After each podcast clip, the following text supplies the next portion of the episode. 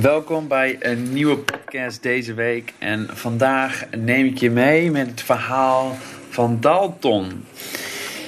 Ja, en dat doe ik vandaag met het Bijbeltekst in Johannes 16, vers 33, waar Jezus zegt tegen ons: In de wereld zal je het zwaar te verduren krijgen. Maar hou moed. Ik heb de wereld overwonnen. Nou, deze oh ja, geweldige woorden van Jezus uh, hebben te maken ook met het leven van Dalton. Want Dalton verlangde zo naar overwinning in zijn leven. Want hij voelde zich zo verslagen door het leven dat hij leidt. Dat, dat hij wist als hij uh, deze dingen in zijn leven kon overwinnen, dat alles goed zou komen. Dat hij als een overwinnaar door het leven zou kunnen gaan. Uh, en dat, uh, ja, dat geen angst meer in de weg zou kunnen staan. Dat hij de afwijzing waar hij mee te maken had en de angst, als die geen rol meer speelde in zijn leven, dan uh, zou hij de hele wereld aankunnen, vertelde hij mij. Nou, Dalton is ook um, 21 jaar toen ik hem ontmoette. En uh, hij, uh, ik kwam hem tegen in Londen. En Dalton is uh, homoseksueel. Vertelde hij mij. Hij heeft ge, gevoelens voor jongens.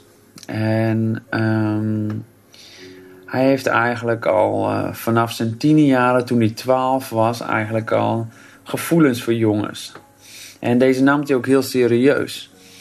Toen hij uh, iets ouder dan ook was, 14 werd, toen had hij zijn eerste relatie met een jongen.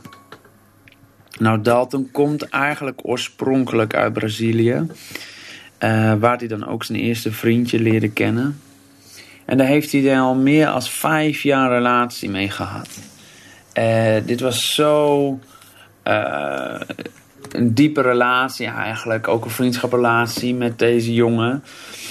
Dat hij eigenlijk de rest van zijn leven met deze jongen wilde zijn. Hij kon zich niet voorstellen om met iemand anders natuurlijk is hij 14 en helemaal gek op die andere jongen. En, um, maar uh, toen het, uh, na vijf jaar ging het dan toch uit.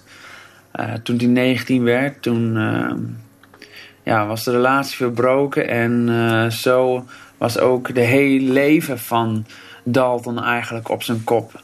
Eigenlijk zijn hele ja, leven stond toen op zijn kop toen het uitging. En hij wist niet wat hij moest doen en met zijn gevoelens. En Um, het had hem zoveel verdriet gegeven. En zoveel ja, hopeloosheid eigenlijk. Dat hij eigenlijk besloot om van de hele situatie weg te gaan. Een nieuwe start te maken. Ergens anders heen te verhuizen. En toen is hij dus ook naar Europa verhuisd. Is hij geëmigreerd omdat het niet meer aankon. Als 19-jarige heeft hij uh, ja, zijn familie, zijn ouders en iedereen achtergelaten. Zijn ex-vriendje om te proberen nieuw leven op te bouwen in, uh, in Europa. En nu kwam ik hem dus tegen in Londen en uh, zaten in een park en mijn vrouw was er ook bij. En hij haalde een fles whisky uit zijn tas en het was gewoon smiddags. En hij bood me wat aan en had wat bekers meegenomen of we wat whisky wilde hebben.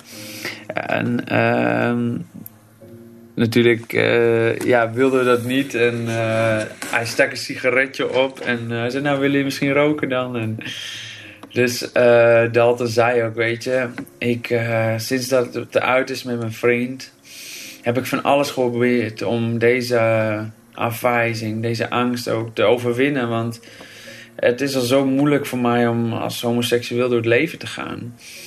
En als die relatie dan ook nog uitging, leek het wel, ja, of ik door een hel ging. En ik, uh, daar ben ik ook gaan emigreren. En ik ben gaan roken. En ik heb gisteren net een heel pakje opgerookt. En uh, ik zit aan de whisky en ben pas 21 en ik weet hoe erg het is. Maar ik zoek gewoon andere uitweg. Ik zoek gewoon naar liefde, zegt hij. Ik ben op zoek naar iemand, zegt hij, die mij liefde kan geven.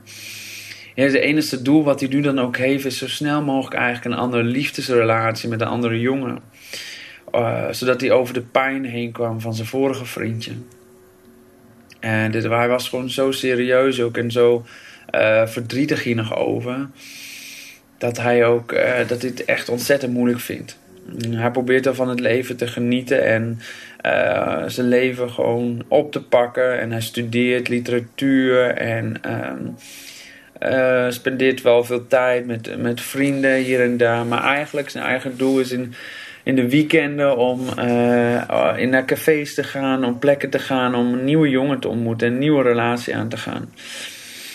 En uh, hij is dan ook zo bang, zegt hij, dat hij ooit alleen achter zal blijven of wel in de steek gelaten wordt. En dit overheerste gewoon zijn leven. Hij had zo'n grote angst om ooit een keer alleen achter te blijven. En hij wist, als hij deze angst of deze afwijzing ook zou overwinnen, dan zou hij alles aankunnen. Dan zou hij van elke dag kunnen genieten en dan zou hij geen angst meer hebben. Zelfs niet voor de eeuwige dood, zei hij. En hij is zich zo bewust van goed en kwaad ook in het leven. En dat de duivel bestaat en dat alles wat slecht is, zegt hij ook, komt ook van de duivel. Oorlog en ziekte en alle dingen. En, maar hij gelooft ook in het tegenovergestelde, het goede en de liefde van God. Hij denkt dat God dingen opbouwt en de duivel dingen afbreekt. En als ik dan met hem over hoop praten, dan zegt hij ook, ja, dat is iets wat opbouwt. Het verlangt naar iets beters. En Um, maar voor nu is het zo, lijkt het onmogelijk voor hem om deze als homoseksueel door het leven te gaan. Er zijn zoveel mensen die hem afwijzen en die hem niet zo accepteren zoals hij is. En uh, over deze vorige relatie heen te komen is voor hem onmogelijk. En nu wil ik eigenlijk uh, ook tegen je zeggen dat we weten dat de Bijbel heel overtuigend spreekt. Hierover, over deze thema. Over homoseksualiteit. Over de liefde tussen man en vrouw. Zo heeft God het bedoeld.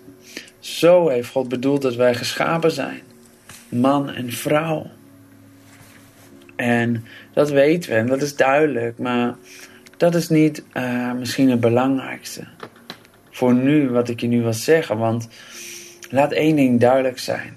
Buitenom dat, wat ik net zei, dat man en vrouw voor elkaar geschapen zijn, is dat Jezus nooit is gekomen om iemand af te wijzen. Nooit is gekomen om iemand te verstoten. Hij kwam juist voor die mensen die zich afgewezen voelden, verstoten voelden, veroordeeld voelden. Jezus houdt van deze mensen. Jezus wil een relatie met deze mensen. En misschien ben jij wel homoseksueel. Misschien heb jij wel te doen met deze gevoelens. En weet je niet waar je heen moet. En voel je afgewezen door de kerk of door christenen. Dan wil ik zeggen, Jezus houdt van je. Jezus wil jou omarmen. Met jouw gevoelens. Ook al vind je het zo gek. Klinkt het nog zo raar voor je. Hij wil je omarmen en hij wil voor je klaarstaan. Hij wil een relatie met jou aangaan, een vriendschap met jouw leven. En je helpen om in deze gevoelens om te gaan en jou te laten zien ook wat echte liefde betekent. Want in Jezus zal je liefde vinden waar je naar op zoek bent. Net als Dalton, die op zoek was naar iemand die hem liefde kon geven. En stel je bent nou christen en je luistert en je kent ook wel iemand Misschien ken je ook wel iemand als Dalton in je omgeving, op school of op je werk of in de buurt. Weet je, er zijn al genoeg mensen die homoseksuelen veroordelen. Of ze uitlachen, grapjes over maken of uitstoten. Omdat ze deze gevoelens hebben. Maar voor deze gevoelens zijn voor, voor deze mensen zo serieus. Zo echt. Dat wij er geen oordeel over mogen doen. Dat wij niet mogen veroordelen maar wel van hem mogen houden, zoals Jezus van hen houdt. En misschien is dat wel dat wat ze nodig hebben. Omdat ze eigenlijk op zoek zijn naar iemand die hun echte liefde kan geven. Die je niet zal teleurstellen, niet zal afwijzen. Dat kunnen ze alleen bij Jezus vinden. En daarmee wil ik je zegenen. Als je iemand kent die homoseksueel is niet te veroordelen, niet te afwijzen, maar juist Jezus liefde te laten zien. Bedankt voor het luisteren ook deze week weer. En uh, ik hoop dat je bemoedigd bent en gezegend bent door het verhaal van Dalton. Ik wil zeggen tegen je dat je, dat je mag weten dat jij en ik niet de hele wereld kunnen veranderen. Maar wij kunnen wel het leven van één persoon veranderen. Misschien is het wel de Dalton in jouw omgeving. Die jij een verschil kan uitmaken. Waar jij onvoorwaardelijk kan houden. En niet af te wijzen. Bedankt en tot volgende week.